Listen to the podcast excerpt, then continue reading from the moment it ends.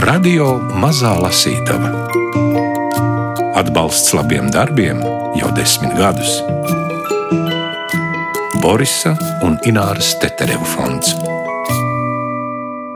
Tas nu reiz bija kolektīvs, kas rakstāms ne tikai ar lielo burtu, bet ar visiem lielajiem burtiem. Ansamblis. Es melotu, ja teiktu, ka vakaros nejūtāmies noguruši, taču garstāvoklis visiem bija mošs.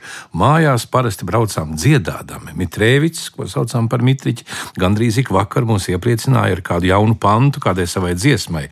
Viņam patika uzraut diezgan piparots teksts, piemēram, Rīgā divi ziķeri, divi brāļi sniķeri. Tik dēļ jums, daļās dāmas, dēļ jums. Nu, lai dziesmas asprātību saprastu, jāpaskaidro, ka toreiz Rīgā bija ļoti populārs venērisko slimību ārsts sniķers. Tāpēc nākamais pantiņš skanēja tā. Tad, kad izdzerts saldējs biķers, jāapmeklē doktors Sniķers. Tik dēļ jums, daļās dāmas, dēļ jums. Vai mamma saka, ķit vai nazīt, dēlu vairāk nevar pazīt. Tik dēļ jums, daļās dāmas, dēļ jums. Nu, tādu pantu Mitrēvicam bija bez gala, bet, ja pietrūka, tad pats tūdaļ pat piedzīvoja klāt. Daži bija tik spēcīgi, ka šeit nemaz nav minami, bet tieši tie bija vislabākie. Tā par ansambli, kurš veidoja slaveno filmu Zvejnieka dēls 1939. gadā, raksta kino režisors Vilis Lapenieks. Viņa autobiogrāfiskā grāmata Dulā Daukas piezīmes piedzīvojusi jaunu izdevumu. Par Vili Lapenieku lūdzām pastāstīt kino kritiķi Agri Redoviču, un, protams, lasīsim. Un jums bija filma par Vili Lapenieku? Arī bija tāds gadījums, jā. Un man bija tāds arī raksts liels kino rakstos, enerģija krustošanās. Mm -hmm. Bet uh, Vils Lapinieks, droši vien, ka mēs sakām Vils Lapinieks, tad domājam par zvejnieku dēlu, vai ne?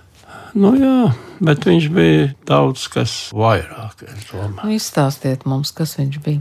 Nu, pirmkārt, viņš bija reti enerģisks un daudzpusīgs apdāvināt cilvēks ne tikai mākslinieciski, bet uh, tīri organizatoriski. Pietiek jau ar to, ka Vācijas laikā viņš izveidoja Rīgā tautas teātri, par ko ļoti maz kur rakstīts ir, bet tas bija milzīgs pasākums. Tur bija 280 cilvēki nodarbināti, orķestris trīs skatos. Viņiem galvenā skatu bija tur, kur tagad ir krievu drāma. Otra bija tur, kur ir pestīšanas armija, kur agrāk bija celtnieku klubs oktobrs. Tur viņiem bija otra skatu, viņiem bija studija, kas apmācīja jaunos aktierus. Vesela rinda pazīstama aktieri, Velta Līne, Kārlis Pamše, Vaironis Jakāns. Nāk no tautas teātras studijas. Tas bija Vācu laikā ļoti liels pasākums, jo viņš tos, kas tur strādāja, paglāba armijas. Tā jau var teikt, tu ej leģionā, tu ej pa Latviju, tur cīnīties. Kādu Latviju? Nu, tur tāpat bija Vācijas armijā, bet tie, kas bija pie lapenieka, varēja neiet. Un es domāju, ka tas ir arī tāds vispār cilvēcisks panākums. Otrs, kur viņš izpaudās nu, bez kino režijas. Lai gan, ja cilvēks trimdas apstākļos, nometnē, uzņem filmas aktieru filmu, kāds, kura nav ar izciliem latviešu aktieriem. To filmu var kaut kur redzēt? Nevar vairs, diemžēl.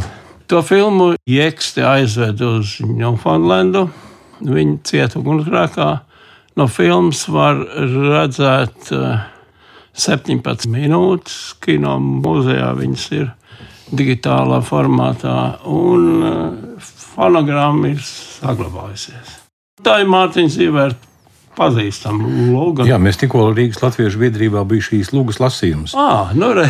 es piedalījos. nu redz, nu, Lapinieks filmā tur bija izvērsts eh, plašāk to scenāriju, jo, nu, it kā Tur bija visādas arī masas iesaistītas vēl, nu, tā, lai nu, nebūtu tikai tā kā trīs. Un to viņi uztaisīja tur, nu, nometnē. Tas vispār Es esmu interesējies par tā nometņu dzīvi. Neviena nacionālā kopiena to nav izdarījusi. Bez tam, tas, ka viņš bija spējīgs cilvēks, viņš prata angliski, protams, arī vāciski. Briti viņu uzaicināja uz, nu, tas tajā grāmatā ir uh, aprakstīts, vadīt mežu izstrādes darbus. Nu, jo Vācijai pēc reparācijām par karā nodarītiem zaudējumiem bija jādod meži. Un tos vajadzēja izstrādāt, un tur lapinieks bija darba vadītājs. Jā. Nu, kad tie visi beidzās, tās reparācijas, tas arī grāmatā aprakstīts, tad viņš ar to savu priekšnieku aizbrauca uz Bahāmu salām, kur arī uztaisīja lielu tādu aktīvu projektu. Tā kā nu, es uzskatu, viņš ir talantīgs, enerģisks cilvēks. Protams, ka tautas atmiņā viņš ir zvejnieks dēls, režisors, kas toreiz ievērojami pārsniedz latviešu kinematogrāfu līmeni. Dulā daudzas piezīmes, kurā laikā viņš to raksta? Nu, viņš raksta 70. gados. Viņš Kādu četrus gadus viņš gaidīja, kamēr nodrukās, un tad 77. nodrukāja. Nu, tagad atkal nodrukāja no jauna, un mēs varētu sākt ar zvejnieku dēlu, tomēr, un pēc tam par Holivudu. Es panākumiem ticēju no sākta gala, bet tas nenozīmē, ka arī citi ticēja. Tā kā no šīs filmas bija atkarīga ministrijas filmu nozares nākotne, darbs un maize, Tad visi mani bukņīja, bikstīja un brīdināja, nu, skaties, garais, lai mēs te visi nepaliekam bez darba. Ministrija no savas puses arī darīja, ko spēja. Ministrs Bērziņš bija izgādājis speciālas summas ārpus filmas budžeta, lai no rūpnīcas VF atpirktu visu tehnisko iekārtu kino uzņemšanai un apstrādēji. Pie Grīziņkalna izbūvēja plašu laboratoriju un iekārtoja montāžas telpas. No ārzemēm pasūtīja vēl trūkstošo tehnisko iekārtu, projektorus, gaismas ķermeņus un pārējo nepieciešamo kinostudijas ierīkošanai. Tādam nolūkam tika noīrēts majoru lielais jūras paviljons, kur iekārtoja filmu ateljē iekšskatu uzņemšanai. Profesors Riters savā grāmatā par režijas mākslu uzsver, ka režisoram jāpārzina visi pamatelementi, no kā šī komplicētā māksla sastāv. Ja teātris izrādē ir jau apkopota literatūra, aktieru māksla, mūzika un glezniecība, tad kino nāk klāt vēl fotografija un montāža. Gatavodamies režisora profesijai, es mēģināju to visu iemācīties.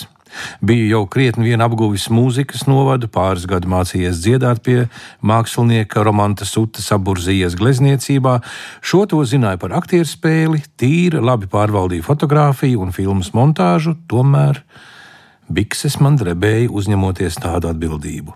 Teorētiski ņemot, biju vispusīgi sagatavojies režisora darbam, tomēr varēja arī neizdoties. Kino tāda iespējamība vienmēr pastāv. Budžetu sastādījām uz 72,000 latu. Smieklīgi maza summa lielai filmai, bet Latvijas apstākļos tā tomēr bija vesela bagātība. Beidzot, valsts prezidents Kārlis Ulmanis piekrita tās asignēšanai, bet tikai ar noteikumu, ka 50 tūkstošus latu mums jāiegūst no filmas eksploatācijas.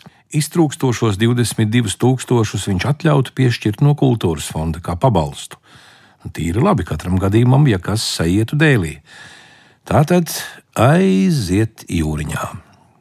Filmēšanas laikā risinājās daži dramatiski aizkulisku notikumi, par ko līdz šim atklātībā nekas nav zināms. Tā bija politpārvaldes cīņa ap Vili Lāci. Pārvalde bija izdibinājusi, ka viņam ir sakari ar komunistu pagrīdi. Laikam jau bija arī vismaz par vienu lietu bija pierādība, ka vēl nesen Lācis ziedojis summu starptautiskai komunistu palīdzības organizācijai MOPRA, krieviski Mežģunarodnai organizācija Pomošķi Barcam Revolūcija - MOPRA. Politpārvalde gribēja Lāci apcietināt. Tas, protams, izraisītu milzīgu skandālu, jo viņš bija vispopulārākais latviešu rakstnieks. Viņa lūgas izrādīja visu Latvijas teātri. Lāča arestēšana, protams, aizrautu arī mūsu filmu dibenā. Lai glābtu, ko var, iesaistījās sabiedrisko lietu ministrs Bērziņš. Jādomā taču ne bez valsts prezidenta ziņas. Kā tas īsti notika, nezinu, bet ir skaidrs, ka Bērziņš izglāba lāci no droša cietuma. Paradoxālā kārtā glābējam pašam drīz pēc tam no lāča bija jābēg. Kad lāča jautājums vismaz pagaidām bija nokārtots, darbs pie filmas varēja turpināties. Jāatzīstas, ka tādu slodzi kopš savām kalpadienām nebija piedzīvojis. Cēlāmies tāpat kā uz laukiem ar saules slēgtu, tad steidzīgas brokastis, grimēšanās un uz filmēšanas vietu. Uzņēmām bez pārtraukuma līdz septiņiem vai astoņiem vakarā. Vai un kad citi ko ēda, nezinu, bet es iztiku ar maizes riku vienā un kafijas krūzi otrā rokā. Filmējām galvenokārt jūrmalā un, protams, tikai saulē. Man jau vēl nekas, es skraidīju apkārt peldkostīmā, bet aktieriem tērpos un grimā bija ko turēt. Dažreiz Oskara lomas tēlotais Lūcis mājās pārbraucis no zvejnieka zābakiem burtiski izlēja sviedrus, tomēr neviens nekurnēja. Tās tiešām bija entuziasma piesātinātas dienas. Un, ja filma iznāca tāda, kā bija, tad tas ir tikai ansambļa, gan tehniskā, gan mākslinieckā nopelns, gribas un pacietības rezultāts. Tas nu reiz bija kolektīvs, kas rakstāms ne tikai ar lielo burtu, bet ar visiem lielajiem burtiem - ansamblis. Viņš bija tāds dūlais, dauka, tāds, nu, kas vienmēr iet kaut kur tālāk par citiem. Diezgan dūls jau bija. Jā. Kādas filmas vēl viņš uzņēma, ja vairāk nē? Nu, es pieminēju otru viņa aktieru filmu, kāds, kur nav, Jā. kur nav saglabājusies. Tad es domāju, ka ļoti nozīmīgs viņa darbs ir arī, ko viņš uzņēma Blombergā, DP nometnē. Kas mēs esam, ko mēs spējam. Tā bija tāda pusstundu gara, tāda, varētu teikt, filma, lai iepazīstinātu potenciālās nākamās mītnes zemes ar to, kādi latvieši ir kārtīgi cilvēki, cik viņi ir izglītoti, cik ļoti labprāt viņi ap- apgūst dažādus amatus, ka viņiem ir kultūra dziļa, viņiem ir teātris, viņiem ir mūzika, viņiem ir mākslinieki. Nu, var teikt, propagandas filmā, bet nu, šodien tie cilvēki, kas tur uzfilmē, tas ir unikāli dokumenti. Jā, un, eh, es domāju, tā ir vienīgā filma, kurā mēs varam redzēt izcilu aktieru Osvaldu Ursteinu, kurš nav nekur filmēts, bet tur viņš ir. Bet to filmu var noskatīties. Jā, to var. To var, ja? Jā. Kino muzejā. Jā, viņi ir saglabājušies, jā, un ir mums to lapenieku tēls, dzintars atved 90. gadā. Jā. Mm -hmm.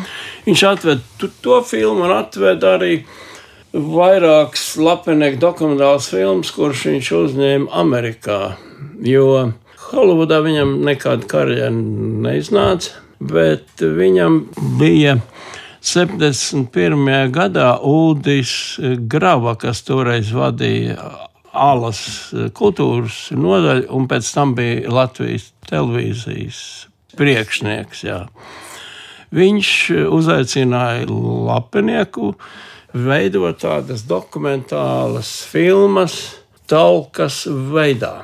Lapinieks uzaicināja no tām mītnes zemēm operators, lai viņu uzfilmē. Nu, viņiem apmaksāja nekādu honorāru, tikai filmas izdevumus. Un tie no Zviedrijas, no Vācijas, no Anglijas, Austrālijas sūtīja viņam materiālus, un viņš salika tos kopā vienā filmā un ieskaņoja arī tādu nu, tā komentāru, lai būtu skaidrs, kas tur notiek. Tāds viņš uzņēma trīs filmas. Tie bija tādi apskati par trimdas dzīvi. Kā cilvēki dzīvo, tur bija ievērojami trimdas darbinieki, jauns uzdrāmiņš, Zanta Mauriņa un citur uzfilmēti ir arī Mārtiņš Zīverts. Bet eh, viņi cerēja tā ala, ka šīs filmas atmaksāsies. Jo tomēr, lai uzfilmētu lapiniekam, jau neko nemaksāja, nu, tikai to tehniskos izdevumus. Bet, kā viņš rakstīja grāmatā, nepirkt tie latvieši tas filmas. Nu, 16 mm filmu. Tev vajag mājās 16 mm projektu, ar tik baigā čakarēšanās. Kurš grib sev mājās viņu rādīt? Un neatmaksās nemaz. Pēc trīs gadiem šīs pasākums tika apturēts un pārtraukts. Ar to arī viņa karjera kino izbeidzās. Mākslā vienmēr ir nepieciešami divi elementi - devējs un ņēmējs. Tikai to abu miedarbē var rasties priekšnesumu māksla, koncerti, teātris izrādes, filmas. Kaut arī mūsējās tika neticami lēti gatavotas, kvalitāte bija samērā laba. To atzina gan prese, gan arī tie, kas uz izrādēm atnāca. Gribējām šādas pilna garuma dokumentāru filmas uzņemt regulāri, lai attainotu svarīgākos notikumus un pasākumus visās trimdas patvērumu zemēs, dokumentēt gan vecās, gan jaunās paudzes izcilākās personības un viņu darbus. Ar šo filmu starpniecību tautieši iegūtu pārskatu par to, kas notiek un kā dzīvo trimdnieki citur, un tas tuvinātu pa visu pasauli izklaidētos latviešus. Tas būtu arī vienreizīgs mūsu trimdas laika dokuments, ko atstāt vēsturei un nākamajām paudzēm. Žurnālists Harijs Mindenbergs, apcerot ala filmu ražošanas iespējas, laikā, tas ir preses izdevums, izteica pārliecību, ka tās gūs visplašāko aprindu piekrišanu un ka nevienai citai nācijai trimdā nekā tāda nav. Vēl vairāk, pat daudzām patstāvīgām valstīm nav sava nacionālā kino, toties mums ir. Mindenbergs bija izkalkulējis, ja parastie sarīkojuma apmeklētāji tikai vienu reizi gadā atnāktu uz latviešu kino, arī tad tā nākotne būtu nodrošināta. Bet kas notika? Pēc diviem gadiem, 1975. gada 1. februārī, Ala valde nolēma izbeigt jaunu filmu uzņemšanu, jo pat tos niecīgos līdzekļus, kādi bija ieguldīti filmu ražošanā, nav iespējams atgūt skatītāju trūkumu dēļ. Mindenbergs bija pārvērtējis mūsu trimdas kolhoznieku interesi par kultūras pasākumiem. Toties bazāri un tam līdzīgi sarīkojumi ir labi apmeklēti, jo tur var iedzert, var iedzert boli, uzkost desiņas ar kāpostiem. Tā kā kinoseansā nav ne desiņu, ne kāpostu, tad turp tautieši ir ar mietu dzenami. Tāpat ir ar koncertiem. Lūk, raksturīgs piemērs. Ar augstvērtīgu koncertu programmu 1972. gada pavasarī ASV apceļoja latviešu operas dziedātāja Ludmila Stepe no Vācijas. Losandželosā viņas koncertā, ieskaitot rīkotājus, bija raudi vai smējies tikai 19 klausītāju. Toties draudzes bazārā pēc divām nedēļām bija ieradušies ap 300 pēc desiņām izsalkušu tautiešu. Kā to izskaidrot? Pavisam vienkārši. Bazārā neviens apmeklētājs neapgrūtina ar mākslinieciskiem priekšnesumiem. Lūdzu, nepārprast, man nav nekas pret bazāriem, arī tiem ir sava vieta dzīvē, taču skumji, ka vērtīgu mākslas un kultūras pasākumu vietu ar vien vairāk sāk ieņemt visādi klimbim, un ka lielai daļai tautiešu viņu vienīgā garīgā barība ir desiņas ar kāpostiem. Vai kāds uzņem arī filmas par tiem bazāriem ar tām desiņām un kāpostiem? Laikam neuzņem. Man aizdoms, ka neuzņem. Varbūt, ka nu, jā. Tajā nu, jau ir par vēlu kaut ko mainīt. mainīt vairs nevar. Ir Lapiniekam ļoti interesanti raksti par kino, par saviem laika biedriem, kas ir trimdas presē. Kino režisora Viļa Lapinieka Dulā Daukas piezīmes klajā laidis Madris, vēl tikai neliela piebilde no kino zinātnieces Ingas Pērkones. Nu, man jau galvenokārt priekšstats, protams, ir no šiem viņa memoāriem, un tad nu, man vienmēr šķits, ka viņš ir tāds avantūrists, bet tiešām tādā labā nozīmē avantūrists, kurš ir nu, gājis visām problēmām pāri un atradis risinājumus un spējis arī to ar humoru kaut kā reflektēt par to. Jā, man šķiet, ka viņam tāds varbūt pat piedzīvojuma meklētājs varētu viņu arī raksturot tādā veidā. Bet katrā ziņā tas nav avantūrists. Ieliekās, ka tas īsti neko neprot un kaut ko dara, bet eh, man liekas, ka kaut vai uz zvejnieku dēlu raugoties, tomēr eh, tā laika kontekstā un arī viņa lapenieka it kā iepriekšējās pieredzes eh, kontekstā tā ir pārsteidzoša filma. Nu, viņa ir pārsteidzoši profesionāla un bagātīga ar visādām interesantām detaļām. Viņš devās uz Losandželosu, skaidrs kā ar cerībām iekļūt Holivudā un turpināt kino karjeru. Nu, tas īsti viņam neizdevās. Viņš strādāja kā fotogrāfs, materiālis, saprot, arī tomēr bija pietiekami nodrošināts. Tā kā no vienas puses mēs varam uzskatīt, ka viņam pat ļoti veicās un Sevišķi tāpēc arī, ka viņš jau 70. gados atgriezās pie filmu veidošanas tieši pēc uh, Amerikas Latviešu apvienības uzdevuma, arī nu, tas ir ļoti bagātīgs kultūra vēstures mantojums, bet droši vien, ka nu, no viņa paša viedokļa, sevišķi 50. gados, kamēr vēl viņam bija daudz enerģijas, tas, ka viņš īsti nevarēja iekļūt Holivudā kā režisors, un to jau praktiski neviens gandrīz nevarēja no tiem, kas emigrēja uz Ameriku, tad nu, droši vien, ka viņš tik priecīgs par to nebija. Un tāpat laikā, ja, tā, tad viņš arī ir veids dažādas aktivitātes, un tas spožākais, kas tiešām ir saglabājies un ko arī ir iespējams apskatīties, tā ir 50. gadu otrās puses filma ar ļoti slavenu to laiku komiķi Bobu Houpu, kur lapenieks tā tad ir, un tā ir gandrīz desmit minūšu epizode, kuru lapenieks pēc pašu vārdiem ir režisējis, un tas ir diezgan skaidrs tur skatoties, pats viņš arī darbojās, respektīvi, kurš šis Bobs Hopes, kura varonis, tātad, kurš pretendē būt Ņujorkas mērs, viņš ierodās kādā dīvaini runājošā klubā. Domāju, ka tā ir liela budžeta savam laikam filma ar, ar zvaigzni, kurā tā tad ir tomēr šāda epizode. Tas, es domāju, tā laika kontekstā tas arī ir liels sasniegums. Radio Mazā Lasītava Atbalsts labiem darbiem jau desmit gadus.